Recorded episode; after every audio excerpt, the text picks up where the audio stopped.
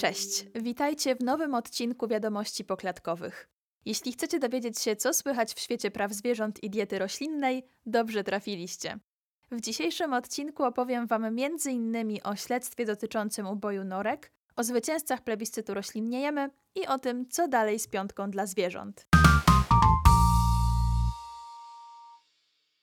Zaczynamy od dobrych wiadomości.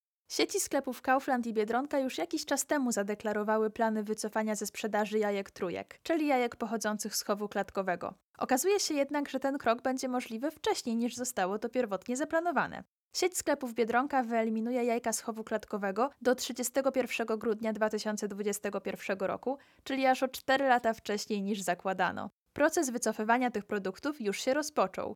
Od początku tego roku jajek trójek nie znajdziecie już w Biedronkach w Warszawie. Kaufland już kilka lat temu zadeklarował, że zrezygnuje ze sprzedaży jajek trójek do 2025 roku.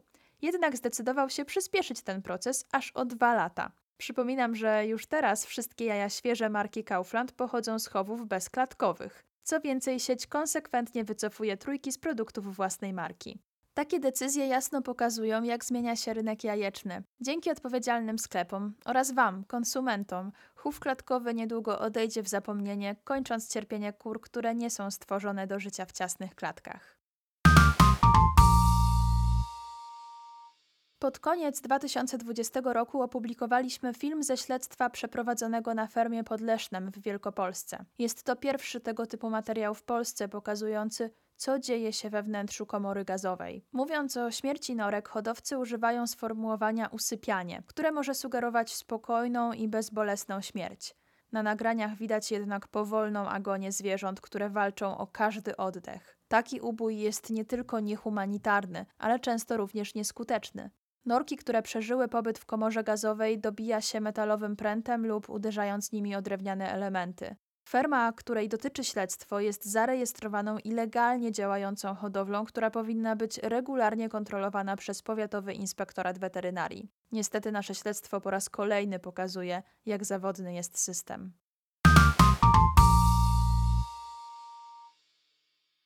Europe Group for Animals i koalicja Fair Free Alliance opublikowały list podpisany przez naukowców, m.in. z dziedzin wirusologii, chorób zakaźnych i weterynarii, wzywający do zawieszenia hodowli norek w Unii Europejskiej ze względu na zagrożenie dla życia i zdrowia publicznego. Apel jest następstwem wybuchu licznych ognisk SARS-CoV-2 na fermach norek w kilku krajach europejskich, m.in. Holandii, Danii, a także w Polsce.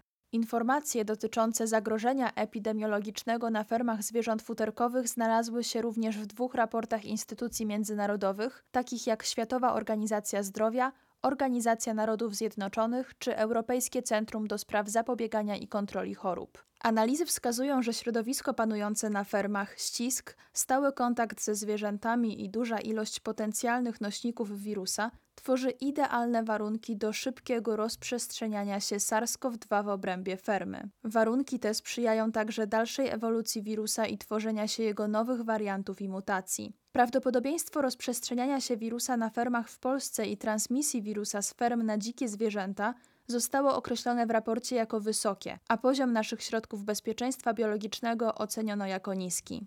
Jak wspominaliśmy w poprzednim odcinku wiadomości poklatkowych, niektóre kraje podjęły z tego powodu decyzję o wstrzymaniu hodowli norek lub o jej całkowitym zamknięciu. Pozostaje nam liczyć na to, że władze w Polsce również wezmą pod uwagę te dane i podejmą kroki zabezpieczające życie i zdrowie ludzi pracujących na fermach i mieszkających w ich pobliżu. Popierana przez większość Polaków nowelizacja ustawy o ochronie zwierząt została w 2020 roku przegłosowana zarówno przez Sejm, jak i Senat, jednak prace nad nią zostały wstrzymane. W ostatnich tygodniach pojawiły się bardzo odmienne komunikaty w sprawie piątki dla zwierząt. Politycy Prawa i Sprawiedliwości początkowo mówili, że nie wycofują się z nowelizacji. Później sugerowali jednak, że projekt zawieszono. Pod koniec lutego poseł Marek Suski poinformował o tym, że prace nad nowelizacją zostaną wznowione, ale projekt powróci w nowej wersji. Najświeższe informacje w tej sprawie pojawiły się pod koniec marca na portalu farmer.pl. Zgodnie z zamieszczoną tam relacją, minister rolnictwa Grzegorz Puda podjął temat piątki dla zwierząt na spotkaniu z członkami prezydium Rady Federacji Branżowych Związków Producentów Rolnych. Minister miał poinformować ich, że prace nad ustawą zostały porzucone. Cały czas czekamy na oficjalne stanowisko w sprawie nowelizacji. Przede wszystkim liczymy na to, że politycy nie wycofają się ze złożonych w ubiegłym roku obietnic. Nowelizacja ustawy o ochronie zwierząt poprawiłaby zarówno los zwierząt domowych, jak i hodowlanych. Jedną z najważniejszych zmian miał być zakaz hodowli zwierząt na futra, o który jako otwarte klatki walczymy od lat. Jeśli tak jak my nie zgadzacie się na cierpienie zwierząt futerkowych, wejdźcie na naszą stronę i podpiszcie petycję. 25 listopada 2020 roku, w Światowy Dzień Bez Futra, rozpoczęliśmy pierwszą edycję plebiscytu Krwawe Futro. Nominowaliśmy aż sześć polskich marek odzieżowych, wciąż wspierających okrutny proceder hodowli zwierząt futerkowych. Ochnik, Gino Rossi, Tiffy, Wenecja, Taranko oraz Sportofino. Spośród firm biorących udział w plebiscycie tylko Gino Rossi zdecydowało się zrezygnować ze sprzedaży futer zwierzęcych, odcinając się od mody pełnej cierpienia i okrucieństwa wobec zwierząt. Plebiscyt zakończył się zwycięstwem firmy Ochnik, która zebrała ponad 72% wszystkich głosów. Ochnik nie przyjął nagrody i nie podjął decyzji o rezygnacji ze sprzedaży futer. Aktywiści działający w ramach kampanii Sklepy Wolne od Futer próbują nawiązać dialog z Ochnikiem w sprawie etycznej mody od prawie półtora roku. W ponad 100 sklepach w Polsce oraz kilku na terenie Niemiec, Rosji, Ukrainy i Białorusi można znaleźć ponad 400 produktów płaszczy, butów, rękawiczek czy pomponów zawierających elementy futra zwierzęcego. Futra wykorzystywane przez ochnik pochodzą głównie od królików, lisów, jenotów oraz norek. Podpiszcie petycję na naszej stronie i pomóżcie nam przekonać firmę Ochnik do zaprzestania wspierania barbarzyńskich praktyk w modzie.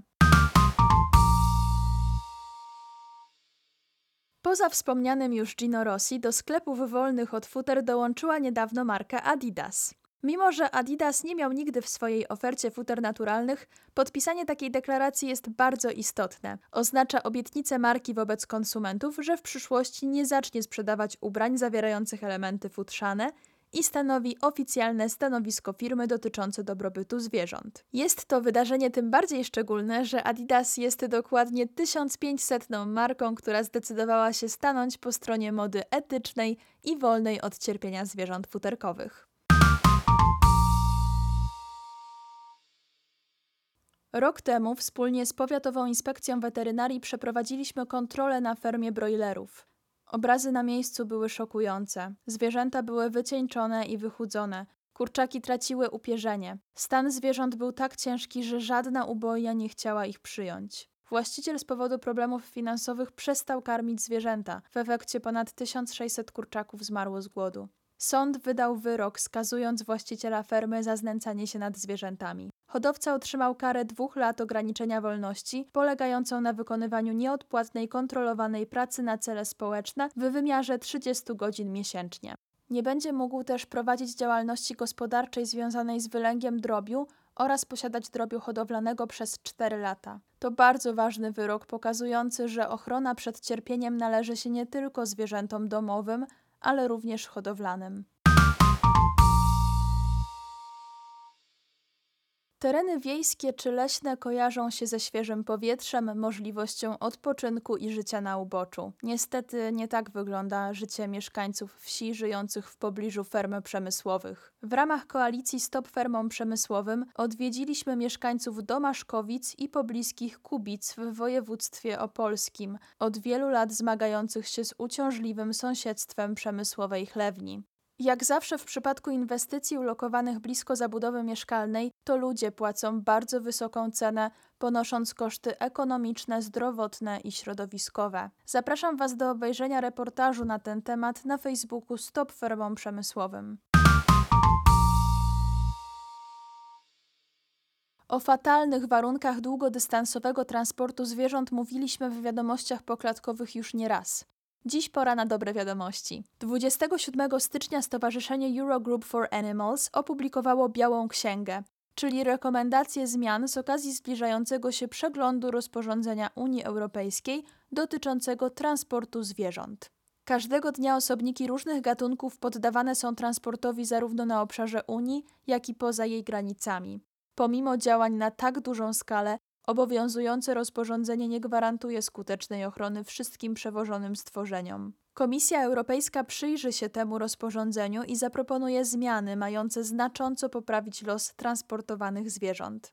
Przedstawiona Komisji Europejskiej oraz ponad 150 zainteresowanym unijnym współprawodawcom Biała Księga zawiera kluczowe przepisy, które należy uwzględnić w zmienionym tekście legislacyjnym, by dobrostan przeznaczonych na transport zwierząt rzeczywiście uległ zmianie. To już pewne. Polacy coraz rzadziej kupują żywe karpie w okresie Bożego Narodzenia. Niemal co drugi Polak nie kupuje karpia na święta. Ci, którzy to robią, najczęściej wybierają rybę przetworzoną, na przykład w postaci filetów. Wybory polskich konsumentów mają ogromny wpływ na politykę firm spożywczych. Szybkie zmiany nawyków zakupowych sprawiają, że kolejne sieci sklepów wycofują żywe ryby ze swojej oferty. Postanowiliśmy przyjrzeć się z bliska procesowi wycofywania żywych karpi z największych sieci supermarketów w kraju, a nasze wnioski przedstawiliśmy w najnowszym raporcie, który znajdziecie na naszej stronie. Według raportu GFK Polonia nabiał roślinny kupuje prawie 30% polskich gospodarstw domowych, a produkty roślinne przypominające smakiem mięsne już co dziesiąte gospodarstwo. W porównaniu do roku 2019, w 2020 roku liczba nabywców roślinnego mięsa wzrosła ponad dwukrotnie. Jak czytamy w artykule Rzeczpospolitej, statystyki te mają widoczne przełożenie na trendy rynkowe. Produkcją roślinnego mięsa czy nabiału są zainteresowane nie tylko wegańskie firmy, ale również potentaci kojarzeni z asortymentem mlecznym i mięsnym jak Mlekpol czy Tarczyński. Roślinne marki własne rozwijają również sieci supermarketów takie jak Biedronka czy Lidl. Jak zdradza dyrektor handlowy Biedronki Marcin Domański, w 2020 roku klienci kupili aż o 4 razy więcej kokosowego zamiennika jogurtu oraz dwa razy tyle tofu co przed rokiem.